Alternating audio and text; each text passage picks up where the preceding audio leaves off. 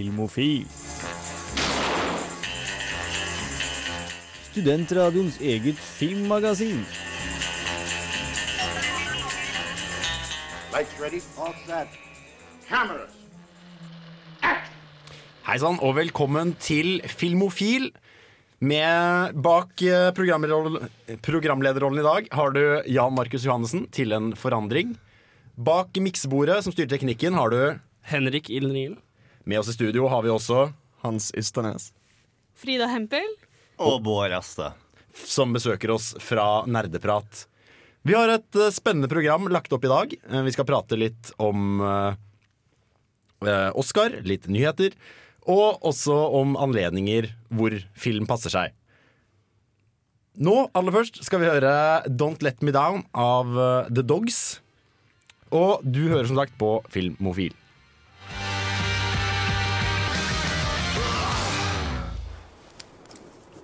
Hva hører du på? Nei, Det er litt sånn spesielt. Jeg tror ikke det er noe du har hørt om, egentlig. Ah, ja. Test meg ut, da. Ok. Filmofil. Faen, mann, det er jo en klassiker. Satan, har du hørt det? Jeg skal ha hørt om det. Velkommen tilbake. Eh, Det er en av våre nye jingler her på Filmofil som eh, Hans har laget. Hei. Og vi har kommet til siden sist-stikket. Og Henrik, la meg spørre deg, hva har du sett siden sist? Eh, jeg har vært syk, så jeg har egentlig hatt veldig muligheten til å se ting. Jeg har ikke sett så mye som man skulle tro en filmofilist hadde sett hvis han hadde vært i senga i en uke sammenhengende. Jeg så The Hunger Games i går. Den, den sugde den altså så intenst hardt. Hva syns du om den andre filmen? Enda, nei, ja, nei, omtrent like Nei, bedre. Den er bedre enn den andre filmen? For Nei, nei, nei, den nei, andre nei, filmen nei, dårligere enn den andre filmen. Ok. Vent litt, hva har du sett nå? Jeg har sett The Hunger Games Mockingjay er- Part 1. Ja, nettopp. Og den var veldig dårlig. Den var veldig dårlig. Altså, den, den var veldig dårlig. Okay. Altså, se på meg, Frida. Se på meg. Den var veldig dårlig. For lytteren der ute, Frida ser på henne. Og Frida, vi tar ordet videre med deg. Hva er det du har sett siden sist? Og jeg, jeg tok sjansen og viste min romkamerat Wally. Mm. For hun hadde ikke sett den før, og er generelt veldig glad i miljøet. Så for henne så var det en sånn Dette her er der vi er på vei. Eh, så vi satt gjennom i en og en halv time og bare sånn «Åh, åh». I altså, Så klisjé. Akkurat sånn som man skal gjøre når man ser Wally. Så det, var, eh, det er egentlig min store opplevelse siden sist. Men det er jo en så koselig film. Den er Virkelig. helt fantastisk. Og han er så søt, og med de øynene.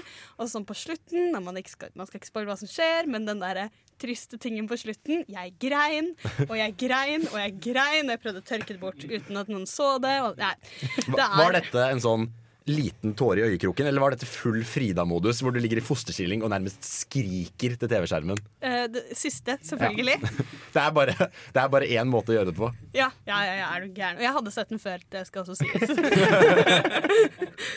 Og Bård, Yes. siden sist blir det kanskje litt feil å spørre deg om, Ja, I det ikke har vært siste I det siste, de siste det, det kan jeg holde med til. Uh, jeg har satt en god del film i det siste, men det skal ikke snakkes så masse om, fordi at det blir mer relevant senere i sendingen. Men en god del TV-serier som jeg sett, har jeg lyst til å snakke om. Jeg har lyst til å snakke om eh, Galavant, som er en musikal-TV-serie på kun åtte episoder. Seks episoder kom ut så langt, og jeg liker det. Det, traileren var ikke den beste i verden, men serien har virkelig sjarm. Dersom du liker The Princess Bride og Disney-filmer, så er dette serien for det. Ricky Gervais og eh, Weird Old Jankovic eh, var gjestestjerner på de siste to episodene. Så sjekk ut det. Galavant het serien. Ja, for jeg eh, fikk også en trailer av Henrik. Uh, og han kunne jo ikke snakke varmt nok om hvor glad denne traileren gjorde han. Du som er generelt sett uh, Han som er generelt sett glad i trailere. Men uh, Hvilken trailer er dette snakk om? Galavant. Oh, ja, den.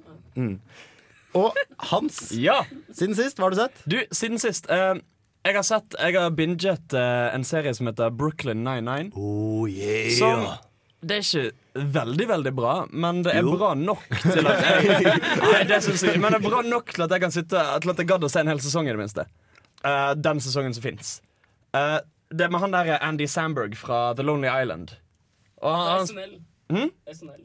Det er, SNL også, ja, det er veldig mange SNL-folk som er med i denne serien. Jeg følger ikke med på SNL Eh, så jeg visste ikke det. Men- forresten. Eh, men men så, så har jeg et lite Oscar-prosjekt gående. Da. Jeg har lyst til å se alle Oscar-filmene som er nominert til Oscar før Oscar eh, Nei. Så langt hadde jeg en veldig sånn power eh, Power-watching-episode hvor jeg bare sånn, så masse masse filmer, og så har det vært litt tregt i det siste. Men jeg har sett uh, type American Sniper, jeg har sett Whiplash, selvfølgelig. Eh, jeg har fått, fått sett Gone Girl, det tror jeg har snakket om før. Jeg har sett The Imitation Game. Begynte på Birdman, men så skjedde det noe, så fikk jeg ikke sett den ferdig. Eh, men jeg har sett ganske mye sånn filmer som visstnok skal være bra. Og som regel så har de vært bra så langt. Eh, selv så har jeg siden sist sett uh, Birdman, som du også snakket om. Som er Jeg tror jeg må se den på nytt, for det er veldig mye som foregår i den filmen. Og litt sånn Litt sånn metainformasjon rundt det. For eksempel, jeg visste jo ikke at Michael Keaton har gjort et comeback, som han også spiller i denne filmen. For du har sett den i så mange filmer i det siste. Ja, ikke sant? Nei, så for meg som er elendig på navn, så er det ganske vanskelig å vite egentlig hvem som har spilt hva før. Du fortalte meg også at du presterte å gå på do under den scenen som tok sånn 90% av budsjettet også. Ja, for det, det er én scene midt i filmen der hvor det er mad CGI og full action og sånne ting. Og så jeg selvfølgelig finner ut at Nei, du gutta, jeg stikker på dass, jeg. Og så kommer jeg tilbake og spør liksom jeg har vært borte i to minutter. Og så bare Ja, har det skjedd noe? Og de Ja, for faen! Du, du har gått glipp av de to sjukeste minuttene i hele filmen. Så det måtte jeg se senere. Um, ja, så det er vel egentlig det jeg har sett uh, siden sist. Her får du Et El Khatib med 'Moonlight'. Du hører på Filmofil.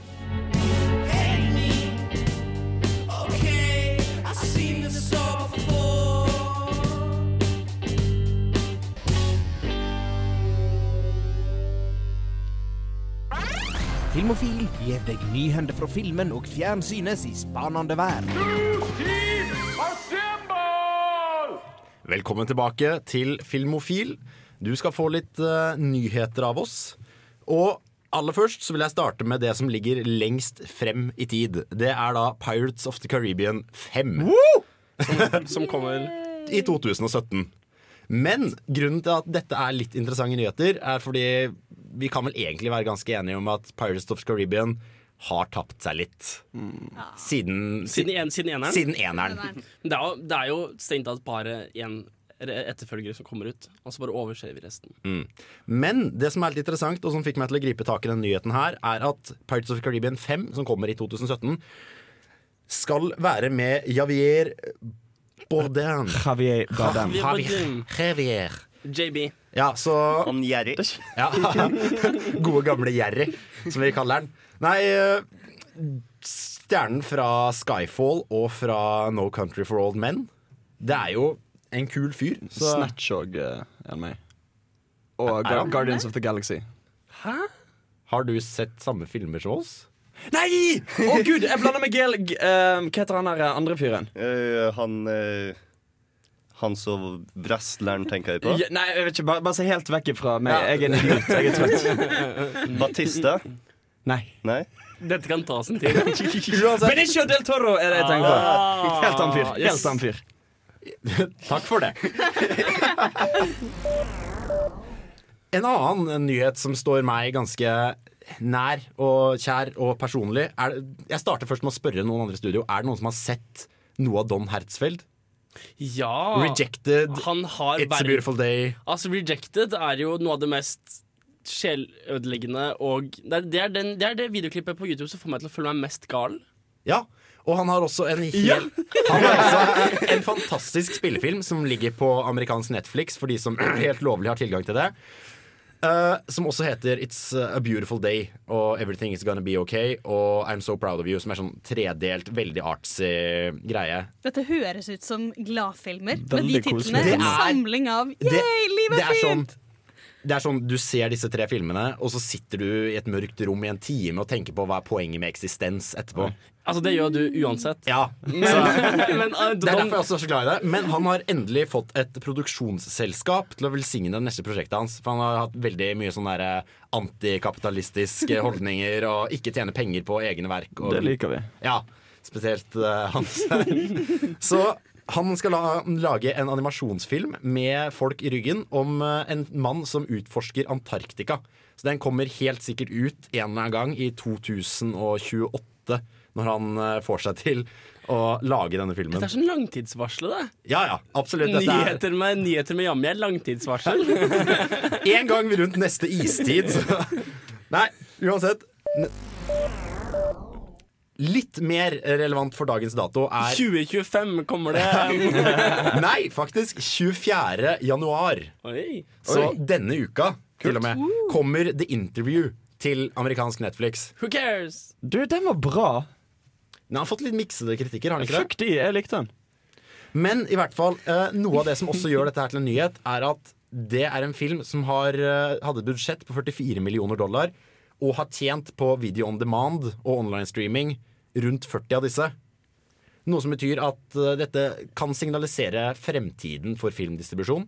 Men dette må jo settes inn i sammenheng, for den er jo i litt spesiell situasjon nettopp pga. det som skjedde med hackerangrepet mot Sony, og mot at de trakk hele distribusjonen av filmen. Og så, når han plutselig ble gjort tilgjengelig igjen, så var folk Å, fy faen, vi skal se den filmen som uh, Nord-Korea ble så jævla sure på, og som risikerte at vi gikk inn i tre verdenskrig. Og det er jo ikke et bærekraftig markedsføringsstrategi å gjøre det hver gang.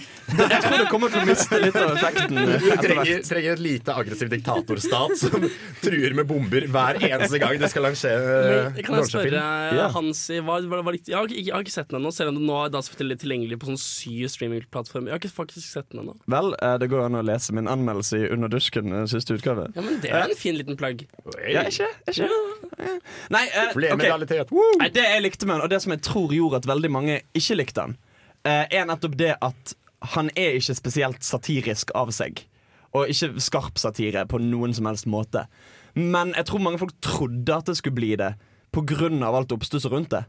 At folk forventet seg, altså i det minste sånn Team America-level med satire, at det skulle ha noe sånn politisk budskap, men det har han ikke. Det er bare en sånn her buddy-komedie med James Franco og Seth Rogen, akkurat som This Is The End og de andre filmene. Og Frida, hadde ikke du en sånn der, sånn budging eh, Franco hard-on? Jeg synes jeg husker at du sa at Franco liksom var kongen. Har du, ikke, har, har, du, har du sett den? Har det litt med Jeg har ikke Spring. Breakers å gjøre, Det har alt med Spring Breakers å gjøre. Så det er ikke egentlig han, uh, utenom eh, at han spilte i Spring Ah, Breakers. Tror, dere, tror dere det er fremtiden med video on demand? Ja, Ja. absolutt. Ferdig snakka. Nå skal vi få The Bots med sangen eh, 'Blinded'. Du hører på Filmofil. Håper du koser deg.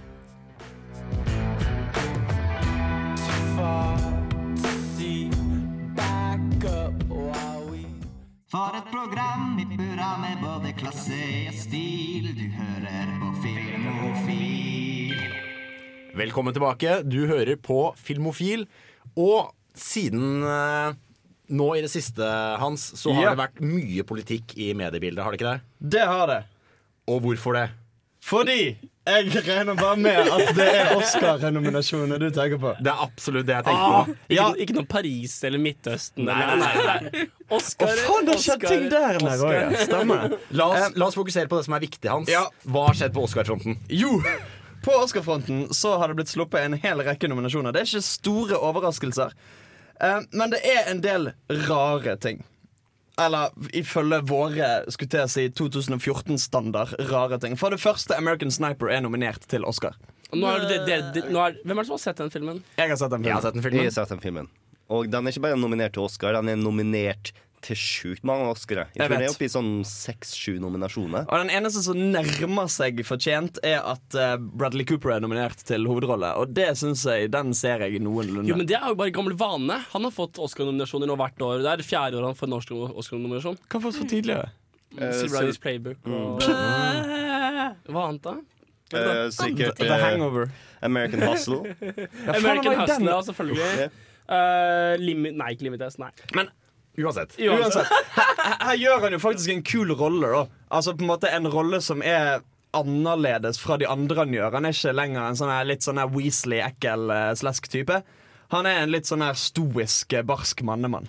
Men uh, Hans, du, Ja. du som tydeligvis kan litt om Oscar. Ja, Hvor, hvorfor har denne filmen fått så mange Oscar-nominasjoner?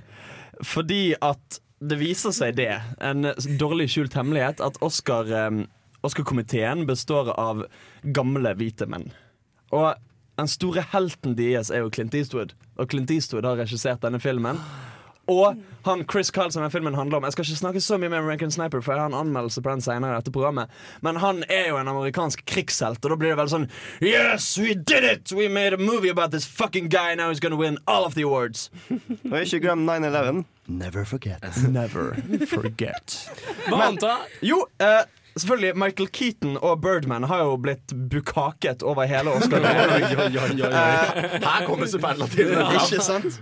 Eh, men det er en del interessante Best Actor in a Leading Role-nominasjoner. For eksempel Steve Carell er nominert for Foxcatcher, og jeg har ikke sett Foxcatcher ennå. Men ta en kikk på en liten trailerino, og fy faen, fyren er ugjenkjennelig. Klassisk Oscar-triks. Hadde vi planlagt litt bedre, så hadde vi bare kjørt rett inn på Frida, du, du hopper så høyt, bokstavelig talt, i volum, at jeg, du avbryter setningen din. Ja, eh, det bare, jeg syns det er så spennende, fordi endelig så er Best Leading Actress en spennende kategori. Det er sant. Og det pleier det ikke å være. Vanligvis så har du en veldig spennende, sånn som du sa, en veldig spennende eh, Best Leading Actor. Men dette året så har vi flere gamle, eller ikke gamle, men eldre skuespillerinner. Og flere som har vunnet Oscar før. Du har Julianne Moore, som er den store favoritten for Still Alice. Jeg har ikke sett den. Du har Rosamund Pike for Gone Girl, som er en fantastisk rolle. Du har Marion Cotillard og Reece Witherspoon, som begge to har en Kjedelige filmer. Nei, vunnet før, er gode. Det er Ja. gode roller. Endelig. Woo! Ja, nei, men da, det, var, det var kvinnesegmentet i dette stikket ferdig. En ting som må nevnes, er jo det at The Lego Movie ikke er noe sted å se. Under noen Jo, vent. La meg catche meg sjøl på den. Han har vunnet for Best Original Song for sangen 'Everything Is Awesome'. Men ikke bare er han ikke nominert til Best Picture, som jeg tenker eh, det er ganske stor konsensus der rundt at han kunne ha fått. Men han har heller ikke fått Best Animated Feature. Mens Wow! motherfucking Big Hero 6 fikk det. Kan avslutte dette her med å si at det kommer til å bli en Oscarsending. En Oscar-spesial Ja, å bli med det. Filmofil. Så hvis ikke du føler at du har fått nok nyheter om Oscar nå, så ta det rolig. Det kommer enten du vil eller ei. Og hvis du føler du har fått nok, synd. Skal vi få låt, eller? Hvilken låt da? Vi skal, hvilken låt vi skal, vi skal få? Mellomrom av Kjartan Gaufossen og Erlend Smi, og så klarer jeg ikke lese resten av tittelen. Vekk meg når du kjenner meg, eller vent til jeg våkner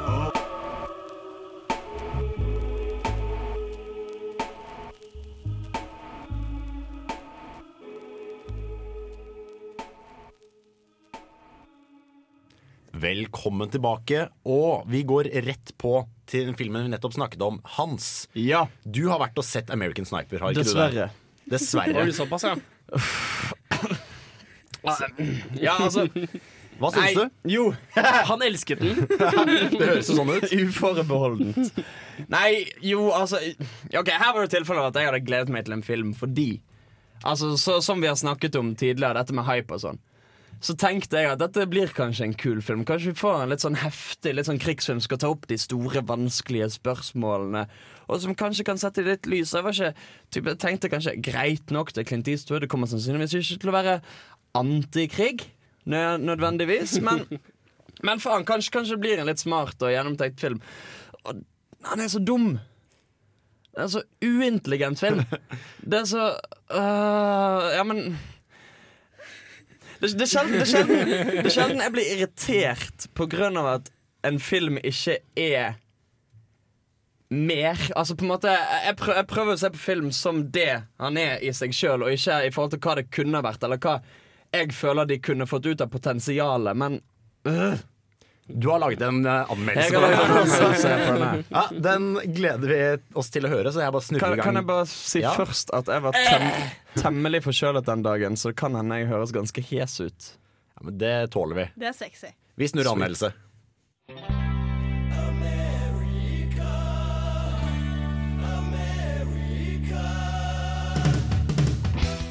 Av problemene som kan dukke opp når en lager en film basert på livet til en ekte person, er at virkeligheten ikke er som på film.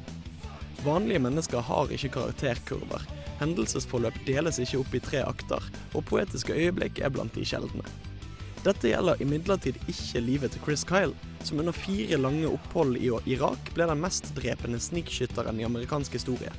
Som veteran brukte han tiden sin som terapeut for andre veteraner som sleit med posttraumatisk stressyndrom, og endte opp med å bli drept av en av de på en skytebane i 2013. Det latterlige er at filmen 'American Sniper', regissert av Clint Eastwood, i all hovedsak fokuserer på oppholdene hans i Irak, og stort sett fungerer som en heltehistorie om en fyr som er flink til å skyte.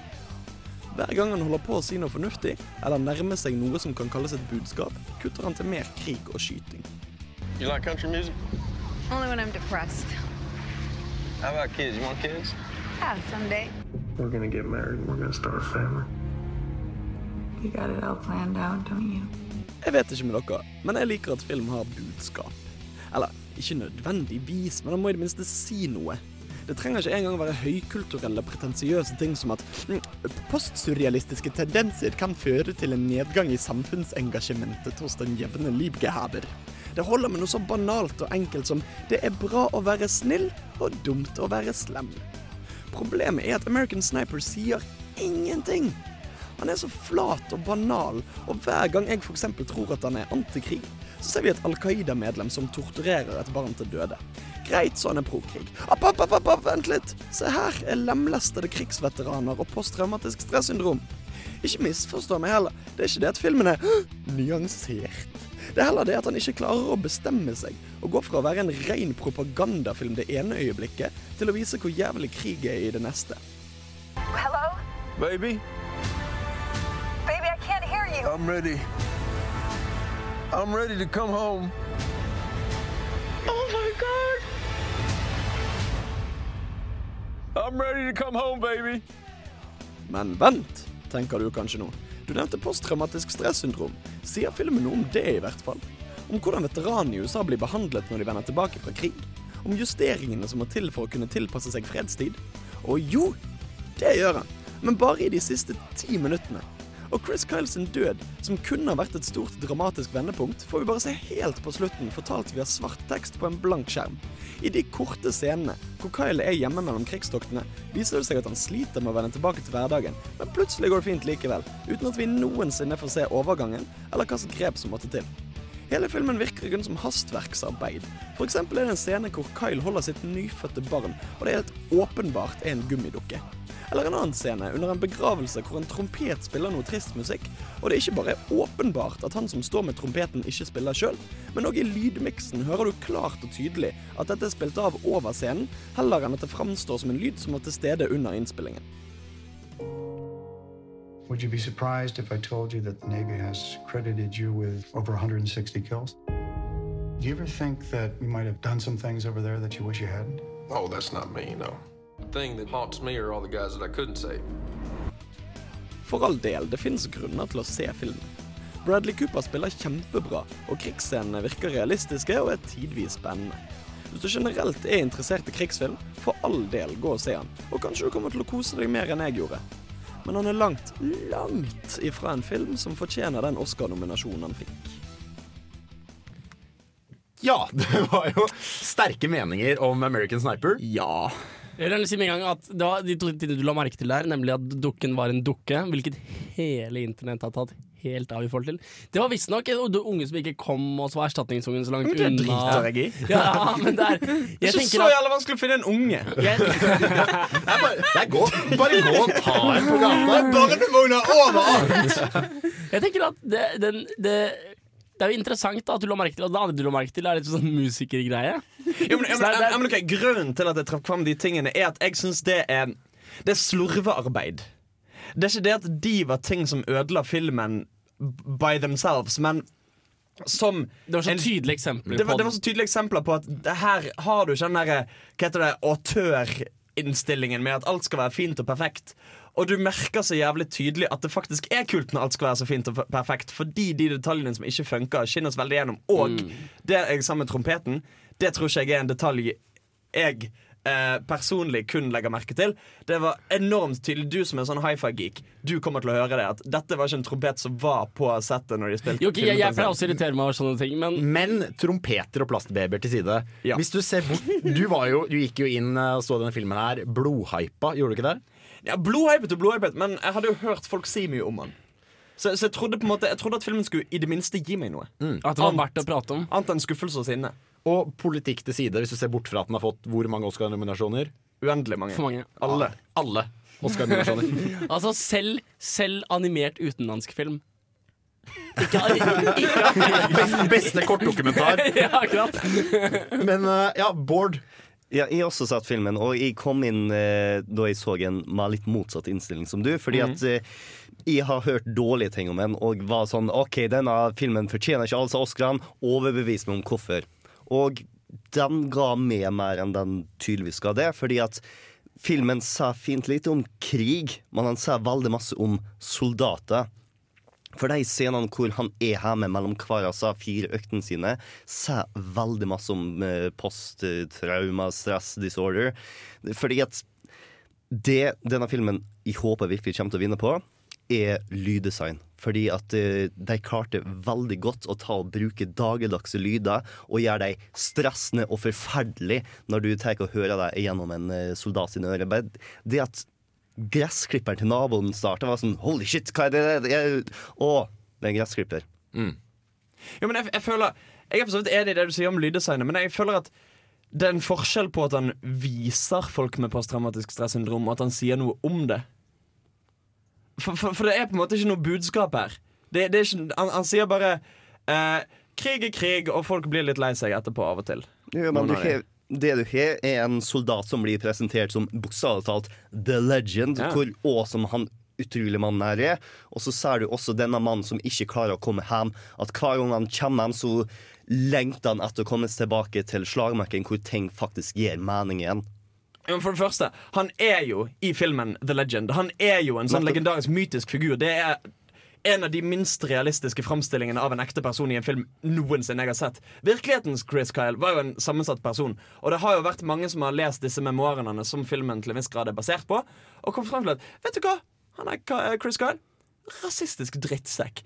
Godt mulig at han kun hadde lyst til å reise ned til eh, Irak for å drepe bruninger. I filmen så er det bare sånn Nah, sir, I want to protect my country. Og, og det er bare sånn jævla sånn her GI Joe idealisert. Sånn I want you for the US Army. Idealisert bilde på sånn Han her var bare en eller annen ranch-taper fra Texas, men han kan bli en superhelt, fordi det er noe som finnes inni alle.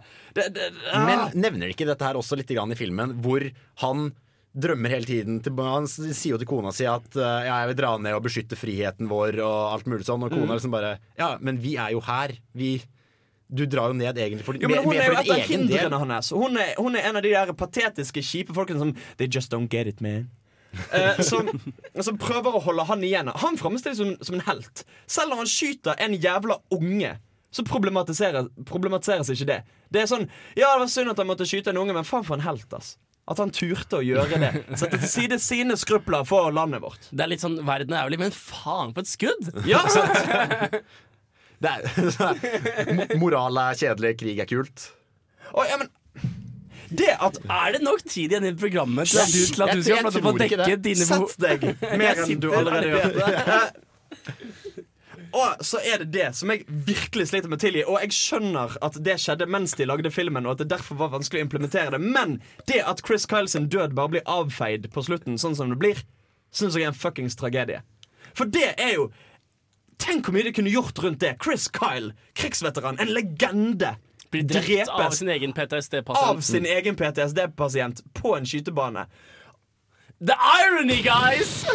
Eller ikke irony, da, men ja. Det kunne blitt et stort øyeblikk, men det blir bare sånn blank skjerm. Chris Kyle was killed that day. Kanskje toeren er verdt å se. Jeg har jo også sett denne filmen, og avslutningsvis så vil jeg bare si at jeg likte den relativt godt. Kanskje ikke, ut, kanskje ikke sju Oscar godt, men uh, Kanskje type null Oscar godt. ja, Men det var i hvert fall noen veldig kule actionscener. Hvis, du tar- hvis, du tar- hvis du tar den som Hvis du bare tar den for det den er hvis, hvis du bare tar den for det den er, så er, eh, er det en kul actionfilm. Slutt å ta på mikrofonen. Åh, gud. Slåssing i studio. Det er det, det, det, dette som skjer i en militærfilm. Uansett, nå skal vi få Natasha Shiros med 'Work It Out'. Du hører på Filmofil, og mens denne låta spiller, så skal jeg forklare Hans om krigens folkerett og diverse, Lykke til! diverse ting jeg har lært i Forsvaret.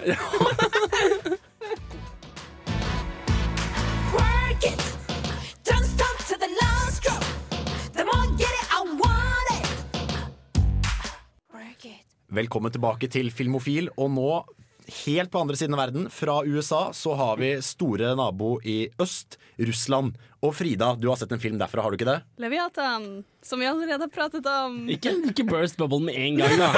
Du altså, jeg har sett en film fra Jeg har sett en uh, russisk film som, som heter handler, om, eh, som handler om fargefulle folk i morsomme settinger. Ja, en komedie. Sitcom, basically. For nå så du den eh, Igjen. igjen i Mhm. Trondheim. På kino. Nå er den allment tilgjengelig, er den ikke det? Ja, nå har den kommet ut. Så nå har du sett den både på Cinemateket i Oslo Mm. og på eh, Nei, jeg har ikke sett den igjen. ah, ok, du har ikke sett Jeg, den. hadde, jeg klarte å lage en anmeldelse siden jeg så den for sånn to uker siden. Ja, em, Den er jo faktisk også nominert til beste utenlandske film, Å. Oscar. Det er jo veldig spennende at eh, amerikanerne endelig nominer, altså, nominerer en russisk film igjen, for det er jo ikke bestevennlandet til USA.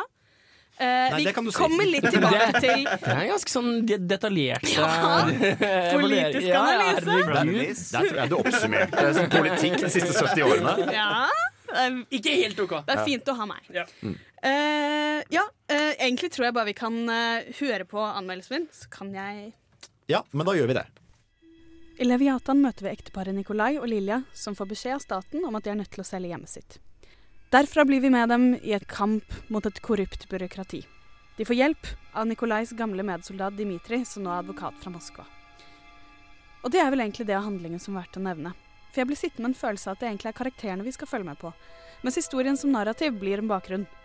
I stedet fokuserer de på Lilja og Nikolai, og hvordan de prøver å takle at de sakte, men sikkert går til grunne. Ты вообще чемодан-то пакуешь? Уважаемый, А? это вы сейчас здесь не имеете права здесь находиться. På mange måter er kanskje dette en sånn kunstfilm folk frykter. Lang, stille og generelt ikke så veldig mye handling. Så er den kanskje ikke laget for dem som trenger at filmer veiver litt med armene hver gang den skal si noe viktig. Eller alternativt slenge på en liten eksplosjon om du skulle komme til å sovne. Men det kan også være det er akkurat denne filmen disse burde gi en sjanse. For det er ingenting i den som føles påtatt. Den er rett og slett stille fordi den handler om stille mennesker. Ja, fuck, det jeg er jurist, Lille. Leviatan er uten tvil en meget dagsaktuell film, spesielt om vi dømmer fra alt oppstyret den er laget. I Russland hylles den på den ene siden, samtidig som sterke krefter prøver å presse den ut av kinoene. I Vesten har den en nærmest ukritisk seiersgang, noe flere mener kan være pga. at den er så antirussisk. Og det er ingen tvil om at det er en politisk kommentar til Russland i dag. Et land der hvor staten blir vanskeligere å begrense, og lover og rettigheter kun er på papiret. Men det er viktig å ikke bare se den som et kritisk verk, for kjernen er også en dypt personlig fortelling. Og det er noe universelt over mennesker som tas over av noe som er så fundamentalt større enn dem.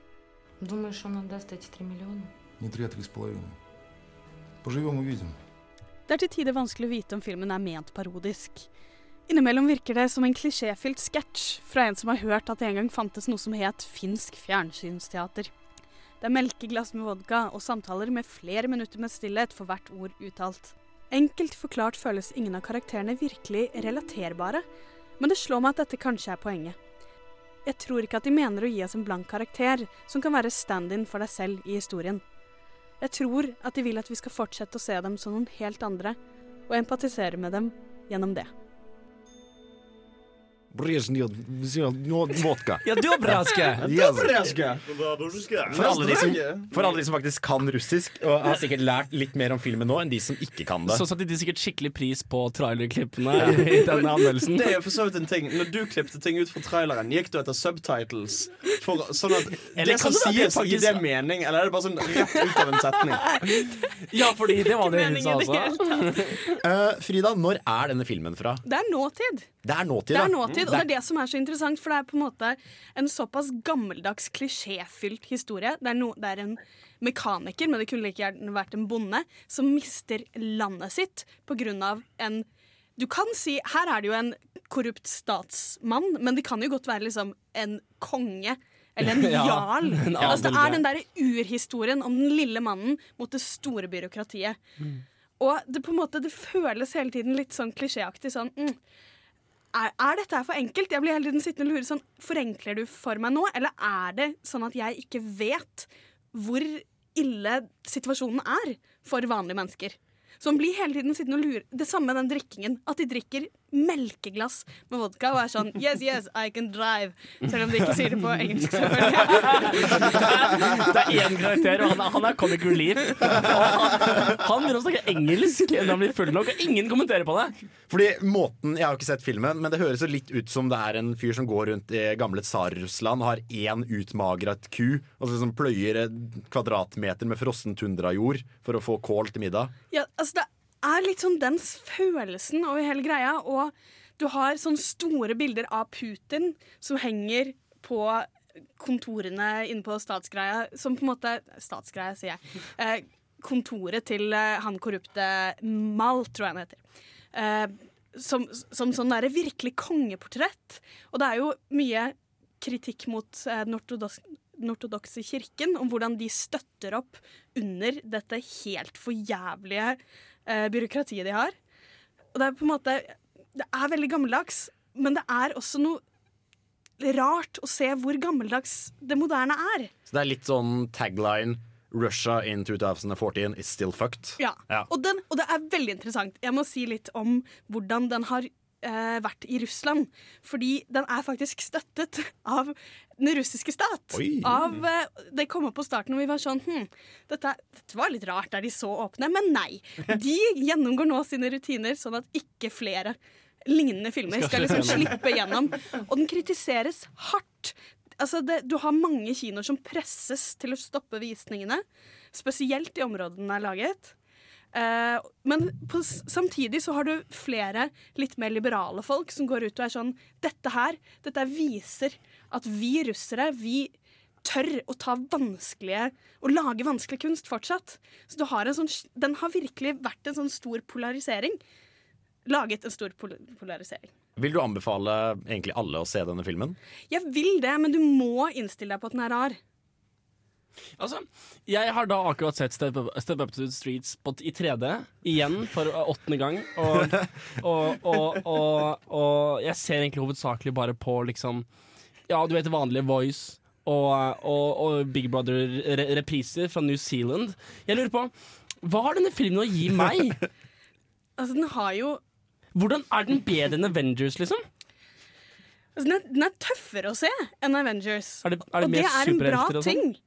Nei, men altså, det er viktig i filmer som legges mer og mer opp eh, etter at vi skal få en sånn heltehistorie. Vi skal få eskapisme gjennom film. Superheltsjangeren blir jo mindre og mindre La oss lage et eh, bilde, en metafor for vårt eget samfunn, og, og mer og mer til sånn Jeg, eventyr, vi løper rundt. Du har ikke så mye politiske metaforer i Guardians of the Galaxy. OK, dette her var en større, større diskusjon, jeg vet det. Men det er bare så fundamentalt omvendt av eskapisme. Det er du skal sitte ned, du skal ikke direkte empatisere med Nei, du skal ikke direkte bli dem. Jeg og må som du si er noe her. Eskapisme er da den, eh, den filmteorien der du som seer fortaper deg i filmen. Ja, du skal få slippe er ikke unna. det. Drømmer I tilfelle folk ikke forstår eskapisme. Ja, men det, det er på en måte et bilde av andre mennesker, og du skal sette deg ned, se dem, forstå dem, og dermed på en måte utvide verdensbildet ditt. Så det er en, en viktig film på den måten.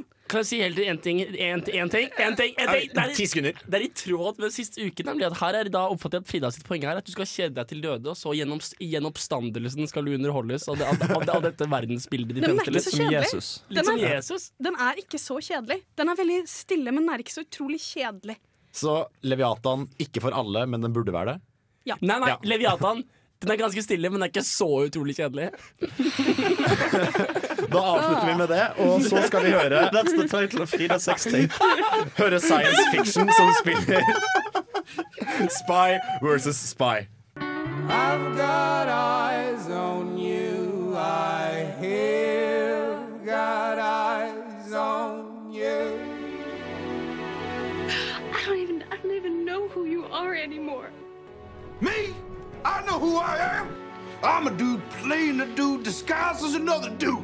Du lyssnar på Filmofil. Ja, velkommen tilbake. Nei, jeg kan ikke svensk. Jeg skal ikke prøve. Tilbaks, tilbaks tilbaks. Tilbaks. Så, ja, Ja, ok. Men Bård, Yes. hva er ukens tema? Ukens tema er noe som eh, datt inn i hodet mine mens jeg var sjuk. Er det virkelig den riktige bøyningen av det ordet? Eller bare finner du på ordet nå? Jeg finner bare på ord hele Ja, okay, Dialekt, alt er lov. Ja, ja. det, det er min uh, green card for absolutt alt. Uh, men som jeg skulle ta seg. jeg var sjuk, uh, og av det så benytter jeg meg plutselig masse mer av Netflix, fordi at jeg fant ut at uh, av og til, så av at kjemiske balanser av sykdom, alkohol eller bare du vet, verden har påført det, så er du plutselig ute etter en helt annen type film enn du ellers er. Og derfor så har jeg lyst til å ta og diskutere litt hva slags filmer folk burde ta og sjekke ut i de situasjonene.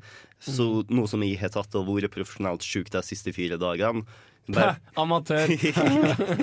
så har jeg sett en god del film som jeg skal komme tilbake til. Men eh, vi kan ta og diskutere forskjellige situasjoner nå som vi ikke diskuterer like masse i detalj senere. Så dette er rett og slett en slags film for prikk, prikk, prikk. Ja. Kontekstuelle filmanbefalinger.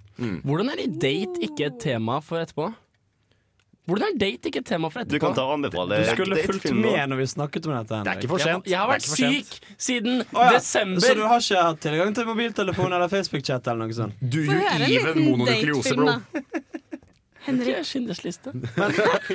Jeg, jeg holdt jo faktisk på å ta med noen på date på Gone Girl. Oi! Det er en dårlig datefilm. Jeg er så glad når jeg ser tilbake på det at den filmen var utsolgt. Nei, nei, at du, at, at du droppa dama, mener du? Men virkelig, det er sånn den verste filmen kanskje å ta med noen på Ja. første date på. Jeg hadde en ganske deilig sånn opplevelse. Ikke sånn opplevelse, men sånn film som passer jævlig bra akkurat nå-følelse. Uh, Seinest denne helgen på søndag. For jeg var fryktelig, fryktelig fryktelig bakfull. Nei. Jo. Hvem skulle tro det? Meg på en søndag. Hallo. Jeg som ikke rører sterkere ting enn Farris. Hans, det var en god firedagers Ystadnes. Det var en firedagers, iallfall. Om den var god, vet jeg ikke. Men uh, uansett, der ligger jeg i en uh, motherfucking sofa og våkner av at showmen min kommer med kaffe. Jeg sier du, nå skal vi se Downton Abbey. Oi! Og Downton Abbey er det perfekte TV-serien å se når du er bakfull. Det er så nydelig vakkert og fint og koselig. Og du bare liksom når du sitter der og ikke har lyst til å tenke så mye, så kan du bare sitte og fortape deg i disse uh, uh, gentry overklassemenneskene som bare hopper rundt og gjør masse overklasse dustete ting. Og det er på en måte sånn Det er ett sammenhengende narrativ, men det er såpass liksom Eh, hver episode er såpass avsluttet, og det går fint til slutt, at det er liksom Du sitter der og Nå, det er fint, vi tar oss en til. Ikke sånn Faen i helvete, vi tar oss en til, for nå skjedde det og det. Så bare sitter der og er glad og fornøyd. Og bare sånn, Det gjør ikke så mye at jeg har dritvondt i hodet og har lyst til å spy. Sånn rolig serie du kan se med hvilepuls, altså. Ja, Fantastisk. Og selvmordslyst. til Jo, jo. Er det sånn at alt du ser som er langdrygt, gir deg lyst til å ta livet av deg selv? Ja. Men Henrik, Jo, sånn seriøst, det er da jeg ser sånne lange, lange, lange filmer. verdens minst tålmodige menneske. Ja. Det, det er sant. Det er så sant. er- Men det er derfor jeg tenkte Men Bård, skal du etterpå snakke om sykdom og, og film? Yes. For det var det jeg hadde tenkt å gjøre, ifølge Jan Markus. Det her ordner vi. Da kan jeg si det nå, at jeg har altså Jeg hadde en lang periode hvor jeg var så sjuk at jeg liksom ikke hadde det komfortabelt. Altså, da, det, da, vi, kommer, vi kommer til å ha en lengre diskusjon om sykdom og film. Hvor du kan jeg ta har lyst til å holde et tema. Så da snakker jeg om det nå. Og da Etter neste låt så kan vi høre på Henrik og Bård ha en konkurranse i Hvem var sykest når. Nå skal vi høre Kevin Gates med I Don't Get It Time. I was trying to get it I live. I want them dead presidents.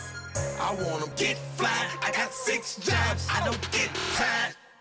Og første anledning, altså film for, så har vi da Bård, som er vår profesjonell syke, som presenterer film for når du er syk. Det skal da tydeliggjøres at Bård er kanskje, Han er flink til å være syk, sånn intenst syk, og så får han faktisk gjort ting. Mens jeg er den der som faktisk er syk. Du, du Som ligger og som en liten unge. Og velter deg i din egen medlidenhet. du, har, du har fortsatt sånn 40 kilo lettere enn meg, Hans. Jeg kan, jeg kan være ganske syk og fortsatt Bare for kort og konsist forklare hva jeg mener med profesjonelt syk. Jeg er binært syk. Når jeg er syk, så slapper jeg med god samvittighet. Jeg gjør ingenting. Jeg spiser og jeg drikker så masse som jeg klarer, og slapper av. Og mens du gjør dette, så ser du hvilke filmer. Da ser jeg gode, gamle komedier. Kanskje ikke gode, men i hvert fall gamle. Sånn 80- og 90-tallskomedier som er ganske dum, går ganske tregt framover. Karakterene er ikke spesielt dype. Men greia er at du kan ta og dette ut av plottet og komme tilbake, og ingenting egentlig å si, fordi at du forstår fremdeles vitsene, fordi at alle sammen er bare stereotyper uansett. Tenker du typ Airplanes og Caddyshack og sånne ting da, eller? Airplanes var jeg innom. Eh, Jeg tok og så blant annet Spice Like Us eh, med Ke eh, Ke han Kevy Chase? Nei. Chevy, Chevy Chase. Og eh, han Ghostbusteren som ikke er Dan Bill Murray. Aykroyd. Yes. Jeg har fortsatt ikke sett Caddyshack. Er den verdt å se? Den er verdt å se. Eh, og jeg så også Bill Murray-filmen eh, The Man Who Knew Too Little. Eh, og jeg så den originale Buffy the Vampire Slayer-filmen. Oi! Og den, den som ikke er hun der eh, damen. Nettopp. Og så, det, det var fantastisk å se på, egentlig. Det er ikke en spesielt god film. Sarah Michelle Gellar. Ja. Takk. Er Som- det Joss Whedon som står bak den? Han skrev den, Ja. men det var alt han gjorde. Eh, Hvem enn regissør jeg ga det til, visste ikke hva å ha på hendene sine. Fordi at det ble en ganske teit film. Det mest minneverdige, egentlig, er en dødsscene som jeg ikke forsto sånn halvveis uti om var en vits. Eller ikke, fordi at den var sånn 20 sekunder lang av en eh, vampyr som blir staka. Sånn, ah, uh, uh, sånn, er du faktisk staka nå og dør, eller er du ikke staka og bare faker det og bare gjernar av Buffy? Jeg er usikker. Hva viste seg å være tilfellet? Det viste seg at han faktisk døde. Og de har, Det er antiklimatisk, det. og de har et klipp etter rulleteksten her at han holder på å dø enda mer. Uh, tror du det er en generell greie for folk som er syke, at det er, det er komedier-tingen? Det å Vel, for å si det sånn Jeg kunne ikke tatt og vært sjuk og sett Leviathan. Da har jeg bare dødd. For Det er jeg så enig i. Altså, når jeg er skikkelig lei av å være syk, når jeg som Bård har vært syk i hele fire dager Eller som meg, som har vært syk, syk siden desember og vært i senga nå Du var ikke klar over at du var syk. for Men jeg hadde det dritkjipt, OK? Kan ikke du etter sendingen ta og kline litt med han, som han også Ja, jeg har prøvd. Han er liten, men kjapp. Eh, men ja, jeg har lyst på filmer som, som er Hva er det du kalte det? Eskapisme? Frida? Ja, Altså Filmer som tar meg ut og underholder meg og, og, og, og gjør morsomme ting med meg. Det trenger ikke å være en komedie, men det må være gripende, og du, og du, må, du, må, du må få tida til å fly på en eller annen måte. Men, men altså, jeg kjenner jo at på en måte det, det er nettopp det at jeg ofte til vanlig tenker sånn Nei, faen hans, nå må du ta deg sammen og se noen skikkelig alvorlige filmer. Så når jeg på en måte f- eh, Nå blir jo ikke jeg syk, men når jeg blir, når jeg blir bakfull Når jeg er bakfull, så tenker jeg Jeg vet ikke hva, jeg kan tillate meg å se noe piss. Så da kan jeg, da kan jeg sette på sånn drittkomedier og sånn. Det, det er noe med Jeg gir meg sjøl lov. Ja, men Da får jeg inntrykk av at da har du på en måte satt av søndagen til at søndagen skal du ikke gjøre noe nyttig. Så mens jeg er utålmodig og rastløs og gjerne vil bli underholdt, så er du mer sånn Ja, nå kan vi se noe som kanskje kaster bort Ja. tida mi. Og da har du tid til å se Downton Abbey, og da har du tid til å se disse tingene som går litt sakte. Ja, okay, ok, Så vi på en måte oppnår litt det samme, men av helt andre årsaker? Nei, du oppnår på en måte en myk, litt sånn der avslappet addisjon til din avslappede stemning. Mens jeg oppnår frihet fra min kjedsomhet. Ja, ok Feng Kroppens fengsel. Likte du den, Frida? Det var vakkert.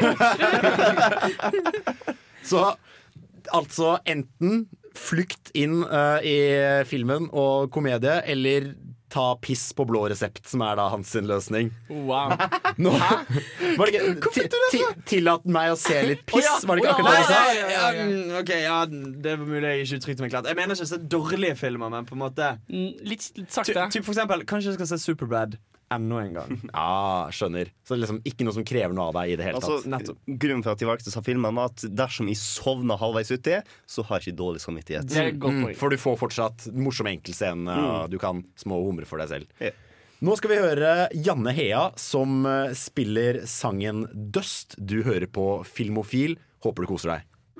I bow down in the dust. Velkommen tilbake til Filmofil. Vi fortsetter trenden med filmer for. Og Hans, Ja. du har filmer for Å brife. Jaså. Litt sånn Å, så kult at du har sett den.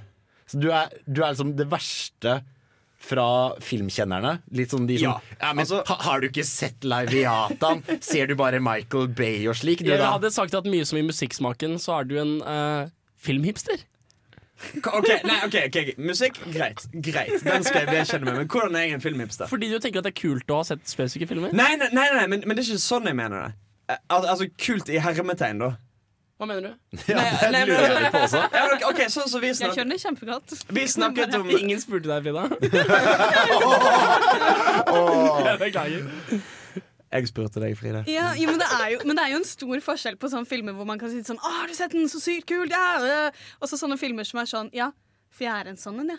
Som forstår film'. Og noen ganger møter man sånne mennesker, sånne som sitter på nach og er sånn 'Jeg ser ikke så mye sånn filmer du kan navnet på'. Sånn. Jeg liker best sånn fransk film, og da må du ha noe å smekke dem i ansiktet med. Den eneste gode nordiske regissøren er Ingvar Bergman. Ja, sånne der. Men er det ikke det du snakker om? Jo! Eller ja, Jeg vet ikke helt sjøl hva jeg snakker. Jo, altså OK. Vet du hva, det, Jeg synes- jeg- vet, vet, vet, jeg- du hva- vet, vet du hva som har skjedd her? Det var planen din å snakke om dette her, og så har vi dissa det noe sånn mye nå. At du har gitt opp på å prate om det her. Jo, men det er jo dissbart. Man må jo vite Ja, okay, det. ja, okay, herregud. Kom igjen, Hans. helt ærlig, Okay. Gi oss eksempler. Okay, Det handler om filmer som For eksempel, å se. For eksempel, for eksempel, Kane. for eksempel, Citizen for Kane. eksempel, Ok. for eksempel Hvor mange ganger må jeg si det? For eksempel. Eh, bak til seg kamera, nå når det var musikk, så snakket vi om Hunger Games. Og ikke minst Hunger Games versus Battle Royale. Jeg syns Battle Royale er en film det i hermetegn er kult å ha sett.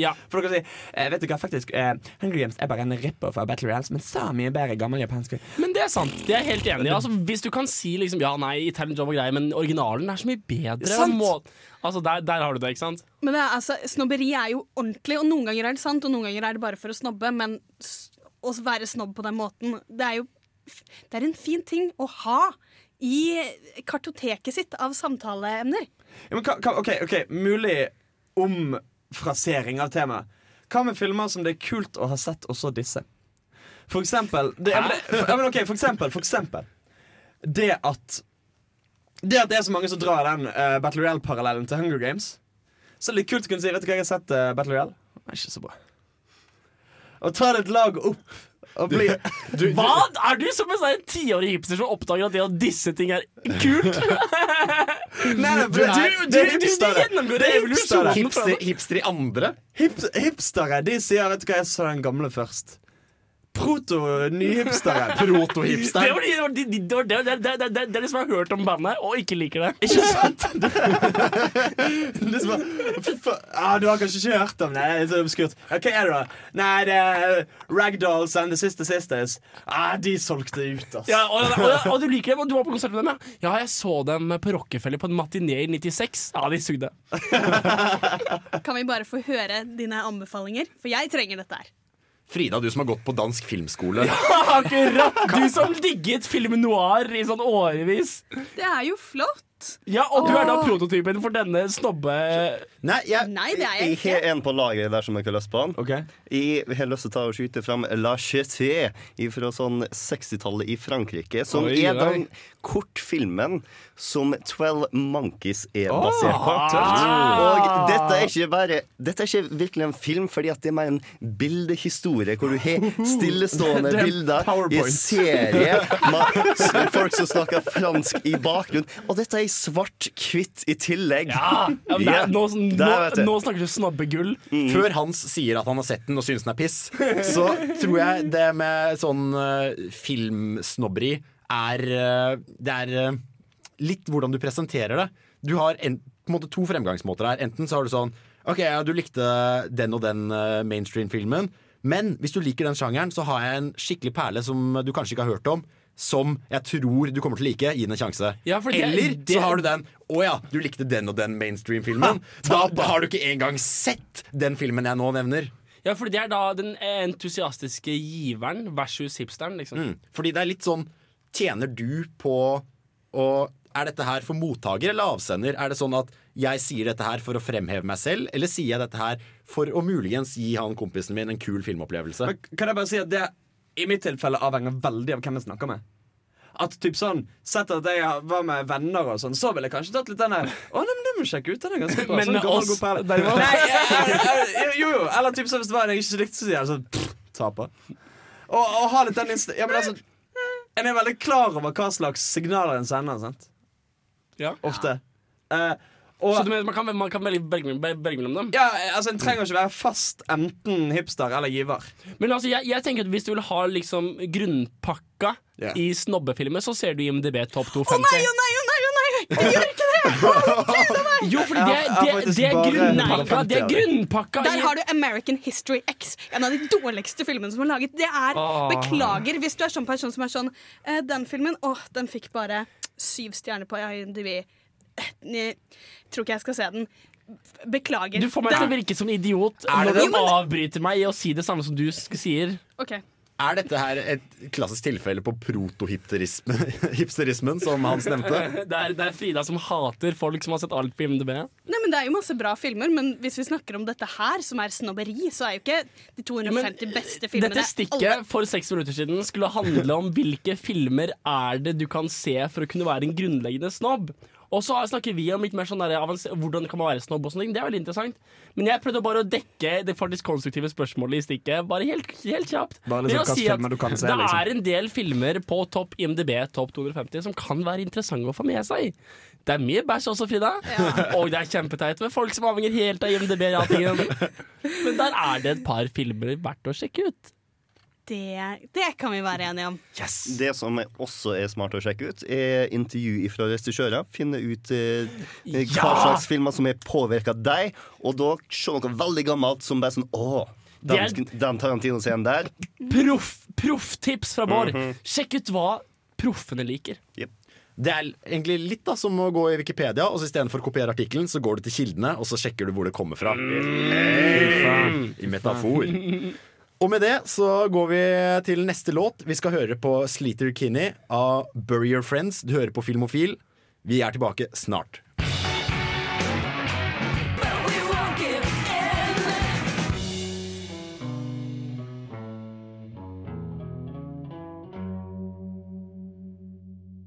Velkommen tilbake til Filmofil. Vi snakker om filmer for forskjellige anledninger. Og nå skal vi presentere filmer for situasjonen vors. Situasjonen vors. Når- sånn når mystisk. Når et vors Det høres ut som en akademisk tekst sin tittel. Situasjonen vors. Når Og så og, og så er det sånn her, En klammetegn. Én referanse. Hva er vors? fra, fra tysk vorspiel. Ja. Altså, når et vors skjer, så gjelder det å være, ja, være forberedt.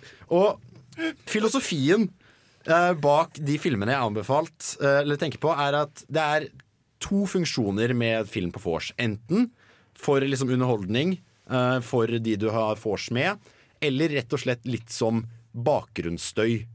Um, enten da at du sitter og faktisk ser en film, og at det er et mørkt rom, og folk prater ikke så veldig mye med hverandre, og sitter og drikker pils, og gudene vet Jeg, jeg Du har ikke vært på så veldig mange vors. Ellers Eller så var du veldig skumle vors. Ja. Fordi jeg kan huske å ha vært på Eller- et vors der det var filmvisning. Ja, Nei? Okay. men det her kommer vi tilbake til. Eller så har vi også den hvor filmen går i bakgrunnen, folk går litt rundt i huset, og så plutselig så skjer det en kul enkeltscene, og bare nå sprenger uh, getto i Bad Boys 2, liksom. Bård? Alternativ 3 drikkelek. Drikkelek. Ja, den kan jeg se. Kjempeforslag. Og det er så god måte å komme gjennom sånne filmer man føler man burde se, men ikke klarer å sette seg ned og gjøre. Twilight. Drikk hver gang de ser litt sånn forstoppede ut. Åh, kjempebra! Og hele poenget med konseptet vorspiel, slik jeg har forstått det ut fra det jeg har lest, er at man skal forberede seg til festen som kommer. Og derfor gjelder, derfor gjelder det å ha filmer som da potensielt hyper opp de deltakerne på vorset. Det, det er så sant. Ja. Så Bra. En liten liste jeg har laget meg på arket her. Og filmer som antakeligvis burde være bra å ha på et, An- eh, på et vors. teoretisk sett på situasjonen vors eller lignende anledninger, så tror jeg jeg vil anbefale første halvdel av Wolf of Wall Street før alt går nedover igjen. Ja, men de er en Ja, okay. Fordi han er ukritisk drita, og det er folk som er liksom alfahann og står og skriker og slår seg på brystet og kaster rundt seg med litt den der fuck it yolo-mentaliteten. Men er Oliver Stone-film. Den er litt sånn dialogtung. Da vil jeg sitte hele tida bare Hysj, hysj! Leonardo DiCaprio snakker. Jeg tror første timen der, ikke nødvendigvis de siste to, men første timen der hvor det er liksom Det er sex og kokain og det er party, og du får liksom Litt, det er ikke en Oliver, Oliver Stone-film. Nei. Faen, det er Wall Street, Man Never Sleeps. Jeg bommer. Beklager. Feil uttrykk blir kanskje du får inspirasjon, men i hvert fall du får måte litt den følelsen av at Woo! Party! Akkurat som Project X og andre liksom litt sånn festefilmer. Sånn college-sjangeren. Og Frida, du har jo også Vært på vors en gang. Du har også Jeg har hørt rykter om at du har vært på vors en eller annen gang. Ja, eh, jeg har, for Den eneste gangen jeg syns dette her har fungert eh, Jeg syns som oftest at det blir for mye sånn Sånn som Henrik sa, sånn Hysj, hallo, jeg vil følge med. De snakker faktisk. Men eh, jeg var på et vors en gang hvor de så Vi så Alice in Wonderland, en X-rated musical fantasy. Oi. Som er en porno-musikal av Alice in Wonderland. Fra Den er jo da åpenbart fra 76. Så det er på en måte 70-tallsporno med litt sånn ordentlig hår og sånn. Og det, bare, det er noe med hele greia som er så flott, fordi koreografen her har ikke skjønt at dansing kan også være sexy. Så det er basically sånn derre ompa-lompa-dansing fram og tilbake mell mellom at de prøver å ha den minst sexy sexen jeg noen gang, noen gang har sett. Altså, jeg, jeg tenker at på vorspiel så kan det være at, uh, at uh, det kan være kult å ha noe på TV-en som er slik at det er gøy hver gang du ser på skjermen. For eksempel, mitt perfekte vorspiel-underholdning er øh, øh, holdt jeg på å si Whiplash. Wipeout! Wipeout, en TV-serie Mm. på TV Norge, der idioter får håp om, om rikdom og, og jeg, jeg, vet ikke, fame, eh, utsetter seg selv for de sykeste hinderløyper ever. Og de går altså så på trynet så absolutt hele jævla tiden, og det er så underholdende. Så hver gang du ser på skjermen, så er det en eller annen idiot som blir sparket i ansiktet av en roterende sånn tjukkas eller noe sånt. Og Det er dritgøy. Men altså, jeg synes kanskje ofte det blir litt for dumt igjen. Altså, altså jeg tenker Det jeg har kost meg mest med som forspillfilm, er sånn typ så dårlig at det er gode filmer. Altså typ Sharknado, uh, typ Birdemic. Typ, hvor, hvor poenget er at en kan liksom sitte og se på og se på en film. Mm. Uten at det, for jeg føler ofte sånn som du sier med sånn wipeout og sånn, det blir ofte veldig repetitivt og kjedelig. Ja, men det er da du ler litt, og så prater du med kompisene. Jo, ja, men nettopp det du kan gjøre med disse så dårlige at de er gode filmene, er jo nettopp det at du kan sitte og liksom følge med litt hvis du vil, og prate litt hvis du vil, Mm. mens på en måte det blir mer sånn Litt mer aktivt, heller enn at TV-en bare blir et møbel som viser noe tidlig innimellom. Så kan det være litt mer aktivt sånn Vi skal se på film, men det er ikke så farlig om folk sitter og preiker òg. Er det da man kanskje skal eh, ta sjansen å se The Room? Verdens Mm. dårligste film noensinne. Det er jo en fantastisk Men drikkelek det er også. interessant. Det er et interessant forslag. eh, Altså En kjempe, kjempe voldelig film. Altså For eksempel en slasherfilm kan være god underholdning til vorspiel. Altså Se sånne skikkelig klassiske slasherfilmer som er dårligere i store deler av filmen. Altså kult-slasherfilmer. Se Braindead, liksom. Hva med den mest awesome filmen noensinne, The Raid? Hvor hvert eneste øyeblikk du bare setter av på, så er det fucking awesome Ja, det. Jeg, jeg så den, og den er helt fantastisk koreografert. Ja. Men det er en kjedelig film hvis du ikke følger med. Fordi det er, det er liksom handling bak og litt sånn Ikke eneren. Ja, jeg syns kanskje det. Kanskje Det er jeg, så mye. kanskje for en gangs skyld er jeg den eneste som oppdaget plot-in. Raskt spørsmål, uh, hvis jeg får lov. Uh, Nach-filmer. Verdens verste Nach-film å se. Jeg har sett denne filmen her bak, mens jeg forstått var ganske full klokken tre om morgenen. Og den filmen er jeg har glemt navnet på akkurat nå. Det er en film om ingeniører som finner opp en tidsmaskin. Og det er verdens, Primer! Primer. Verdens mest Åh, forvirrende film. herregud! Den er og den så jeg på Elgseter gate et eller annet nummer i 2010. Da jeg var ganske full og lå halvsov foran TV-en. Men du må bruke Og det var, også, det var meg og fire kompiser som lå der klokka var fire på morgenen. Og det var bare sånn Hæ? var det, var det Jo, men er ikke Var Altså, du må jo sitte og lese liksom, om filmen samtidig som du Du må bruke alt du eier. Notatblokk og blad. Ja, ja, altså, jeg, jeg, altså, jeg aldri har Tegne sånn diagrammer underveis. Jeg har aldri har en film gått meg så forbi som å se Primer på nach. Da vet vi i hvert fall hvilken film vi skal unngå på nach, og hvilken film, eller hvilke filmer, cirka sjangeren, vi skal se på vors. Nå skal dere få Spider-God med Tourniquet. Du hører på Filmofil.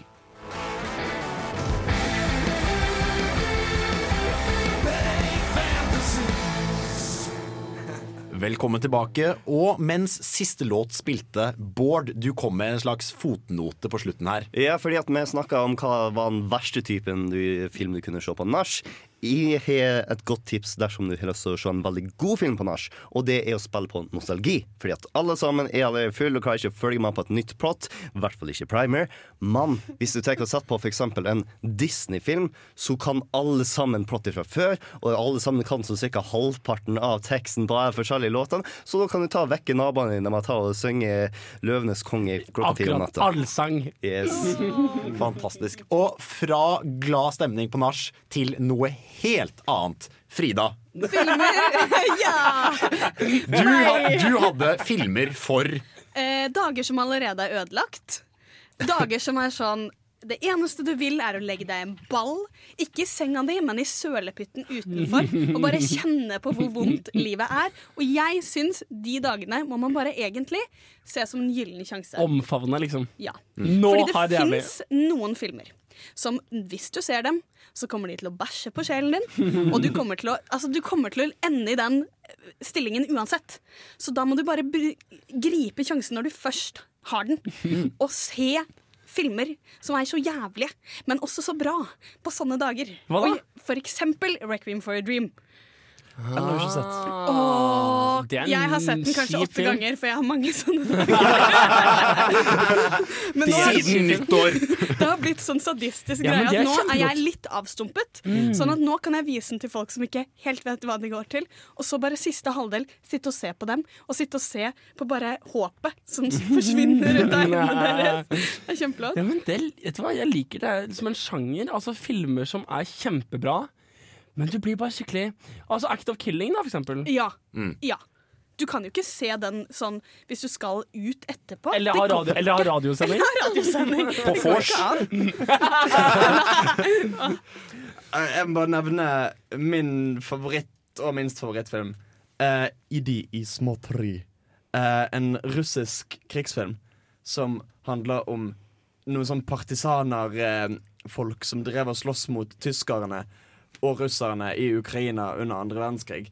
Og det er kanskje den drøyeste, kjipeste, vondeste, mest smertefulle filmen jeg har sett i mitt liv. Den er sånn Du bare sitter der, og du har lyst til å se vekk. Og det gjør så vondt. Det gjør så jævlig vondt. Men en film, en film var veldig bra, for å gi, gi deg den Ja, men den er jo bra, og ja, ja, og, Altså, vellaget. Film, ja, vellaget. Og filmspråket og skuespillerprestasjonene er off the fucking scale. Men det er sånn altså det er sånn spedbarn som kastes inn, inn i vinduene i brennende hus. Og altså, altså En fyr som typ sånn ledes med en arm, Altså en liten elleveårig gutt som blir ledet med arm, armen forbi et hus, og bak huset ligger en svær dunge med lik fra hele landsbyen deres. Eh, han heter uh, Gå og se på norsk, Come and see på engelsk og Idi ismotri på russisk. Men er det ikke en film du anmeldte for oss for en stund siden? Nei, du tenker på, du tenker på, du tenker på eh, Tvillingenes dagbok. Ja, det? Okay. Det kan hende jeg nevnte denne filmen i forbindelse Ja, med Tvillingenes det. dagbok. Fordi det, ja. Tvillingenes dagbok Mm. blekner i forhold. Jeg vil også bare nevne en annen film som jeg syns er helt fantastisk, for jeg har et veldig nostalgisk forhold til den pga. min far. Men Pink Floyds The Wall Mm, ja, ja. Den er også Ja. sånn for sånne Mm. dager som Fuck yeah. Du kan ikke gå ut etterpå etter de der flyene som blir til roser, som blir til blomster som puler hverandre, og Mm. bare det derre surrealistiske som Du må bli liksom Du blir litt krøllet. Du er ikke klar for verden. Og så er det jo også et vanvittig tilfelle av hvor mye lydsporet hjelper deg til den på en måte, dystopiske stemningen som den filmen har. Fordi du, du, det er Altså, når det har vært Nobody Home, og han sitter her i et rom fullt av urinfylte krukker, og han sitter og ser på en PC-skjerm som bare viser propaganda, propaganda, propaganda. Og så kommer han og blir henta ut og satt i en limousin mens Comfortably Nam spiller Ja. over. Og han river av seg denne uh, menneskemasken som var hans syke selv, og bak sitter, sitter uh, tyrannen. Og, det er bare, altså, og du får så gåsehud når du ser det, og det er en sånn helhet i den filmen. Og Bob Geldof bare Mm, ja. Og, og det, er et, det er sånn fantastisk greie hvor musikken komplementeres så mye av filmen. Og Mm. filmen er jo ingenting uten musikken. Det er jo men, praktisk talt en musikkvideo. men, ja, det er jo det. Men altså, halvannen time med dritbra, da. Men gjennom å ha sett den filmen, så forstår du jo albumet mye bedre. Det er jo det Mm. dybder jo ut. Ikke at det er et ord. Det bare, det bare, det bare, det bare sprider, liksom. Avslutningsvis vil jeg også få presentere min personlige kryptonitt, som er den norske filmen 'Oslo 31. august'. Som, Ja, den som er så ser, kjip! Jeg ser, og neste Jeg, jeg ligger ikke i en sølepytt uh, i fosterstilling, men det er liksom, du er ikke klar for å dra ut på fest eller noe sånt. Da er det sånn Kan ikke, kan ikke vi ha et fors en gang? Hvor vi ser alle disse filmene, og så går vi på fest? Alle trøstedrikker. Og, så- og så prøver vi å, å, å, å, å dra på samfunnet. Bare, bare festen er og vi kommer Hei. Nå skal du få Action Bronson med låta 'Acting Crazy'. Hvis du fortsatt orker å høre på oss, så er det Filmofil som vender tilbake etter låta. Håper du koser deg. covered. Why you think I'm out here acting crazy? Think I'm out here acting crazy? Why you think I'm out here acting crazy? Ma, you know I'm still your little baby. Opportunity be knocking, knocking. Let that motherfucker in. Let that Hei! Hei! Det er ikke en 90s sitcom-flashback. Ta og Skru på noe annet. Ja, bedre, men prøv igjen. Der, ja! Filmofil presenterer ukas serie. Ukas serie, det er komiserien The League. Og måten jeg fikk introdusert den her på, det var gjennom å bruke Netflix tjeneste Max, hvis noen av dere har hørt om den. Nei. Det er en uh, greie som amerikansk Netflix har, hvor du da kan uh, Ja, jeg var i Amerika, og alt var lovlig og sånn. Um, hvor du kan spørre rett og slett data, en datamaskin om råd. Og den eh, driver og ser på hvilke filmer du har sett før, og kommer da med forskjellige kategorier. Så sier du OK, jeg vil ha, jeg vil ha kategorien grovkornet, som jeg spurte om. Og da fikk jeg The League. Visste ingenting om den, kjørte på. Det var en serie som jeg da endte meg opp med å se Jeg tror det var en påskeferie. Så så jeg fire sesonger som lå på Netflix. Uh, og det er uh, Det handler om Plottet er ganske enkelt. Det er en uh, gjeng med voksne mennesker, noen har barn og liksom er litt i den alderen der, sånn tidlig 40, sent 30, som driver en sånn fancy football league. Og jeg kan Jeg sporter ikke, basically, så jeg kan ingenting om dette her. Men allikevel så er det Det klarer liksom å fange deg, fordi alle er så utrolig Egentlig ganske grusomme mennesker. På en sånn morsom måte. Litt sånn Seinfeld, sånne her, eh, forkastelige typer, men allikevel på en veldig humoristisk måte. Og jeg har et uh, klipp her hvor Ruxin, som er en av hovedpersonene, han snakker Han har da spilt inn et klipp som han har sendt til de andre, hvor han da snakker om hvor mye han skal knuse dem i denne Fantasy Football League, som hver sesong handler om, hvor det er uh, hver sesong i Fantasy Football League. Og blir da tatt inn på kontoret i advokatfirmaet han jobber med, fordi han har sagt ting på eh, selskapets nettverk som ikke er her helt innafor. Så vi kan høre på det klippet. Hello, winner. Andre, I am going to savage you this week. I am going to take each one of your pre-existing holes and fill it with my seed. I want to see, I want to see. Oh, no, no, no, honey. Daddy's doing adult talk. And then invite my infant son in to go potty inside of you like you're a rest stop bathroom. Blimey. No. Nobody That's will hear your screams of You guys hearing agony. this? Andre, I'm gonna take my hand, stick it inside of you, and then open it like a baseball mitt. So you know why you're here in HR. Getting a raise? You are not allowed to use company email or software to deliver your personal disgusting messages. This was actually just rehearsing my closing arguments for an upcoming case. Where in the court of law do you use the phrase, I'm gonna get this right, balls deep? Well, if you must know, Mr. Swall, we're representing a children's playground consortium. Number of children drowned in a ball pit. We're wondering how deep is balls deep? They were up to their mouth in balls. Yes, they were balls deep. Really? I'm going to take a razor blade and slice from your taint to your ball sack and then open it up like a taco. Disgusting. Years from now, they're going to think that's poetry. det jeg skjønner hvorfor den havnet under kategorien grovkornet. da Altså Grunnen til at jeg liker The League, eh, var at ikke bare var det veldig oppfinnsomt, veldig kreativt og uforventet når det kom ut, da jeg så det. Apropos snobbethet, Hans. Du er så kul, Eh, Henrik. takk. Eh, nei, altså greia med det er at det er vanlige folk som har vanlig liv og er ansvarlige. Mm. Roxin jobber på et godt advokatfirma, han har en nydelig kone og unger. Disse folka har unger og bil og Noen av dem er idioter som bare røyker marihuana hele dagen lang. Men det er masse folk som er skikkelig ordentlige mennesker, og de bare ofrer all skam for denne ligaen. Og de bare ofrer alt. Ingenting betyr like mye som denne ligaen, og ingenting er bedre enn å fucke de andre. Det sier jo ganske mye i første episode, hvor de skal avgjøre hvem som trekker spillere først i denne ligaen. Og de er i en barnebursdag, og så har de sånn der sekkeløp, alle barna. Og så har alle barna nummer på sekken sin. Og det de ikke vet, er at alle de voksne De får da den kiden som vinner, tilsvarende deres tall, trekker først. Og så viser det seg at liksom, hun som har bursdag hun er ikke det, samme, hun, det er ikke foreldrene som har henne. Så foreldrene står og heier på andre barn enn hun som har bursdag. For de vil, trekke, de vil ha den trekk først. Ikke sant? Så Og de bare Hopp litt saktere, hopp litt saktere. Jeg lurer på I sesong to så begynner det med at førstemann gjennom sikkerhetskontrollen i dette, på denne flyplassen.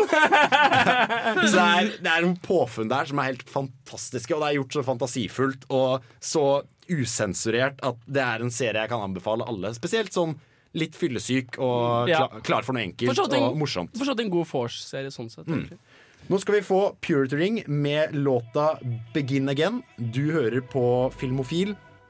Og når vi kommer tilbake, så kommer vi tilbake.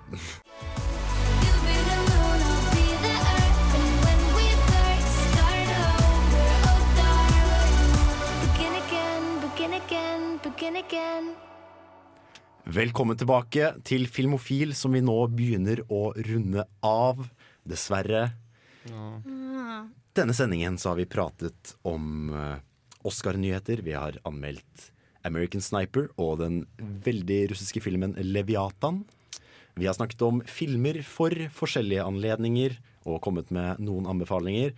Og det er på tide å avslutte denne sendingen og fokusere på neste sending, hvor temaet er, Frida, Biopics. og hjemmeleksa er Ray. Ray. Ray. Om Ray Charles. Ja. Med hvem i hovedrollen? Jamie Fox. Og hvorfor, Ja. hvorfor skal vi se akkurat den? Er den bra? Jeg tror den er bra. Vi Jeg er har lyst til å se den. Filmofil. Ha det bra. Ha det bra! Ha det bra. Det er sånn, det er sånn 39 Vi har så sekunder ganske god tid, Vi har egentlig. Alltid i verden. Jeg har Hans. Jeg heter Ja. Henrik Ilen Ringel. Det har vært veldig koselig å være her. Jeg heter Frida Jemper. Og fra Nerdeprat så har vi vår kjære gjest. Bård Asta, nerdeprat helt for øvrig kontroll alt litt før, for dere sier er forvirra. Fuck yeah. Og vent litt, Hans. Ja. Har du lyst til å si noe? Vel, American Sniper suger, men det vet dere allerede. Og så er det runde av- Whiplash kommer så sykt til å vinne Oscar for beste film. Runde med applaus for uh, Jammi sin første programlederrunde. Dette har vært Filmofil. Vi sees.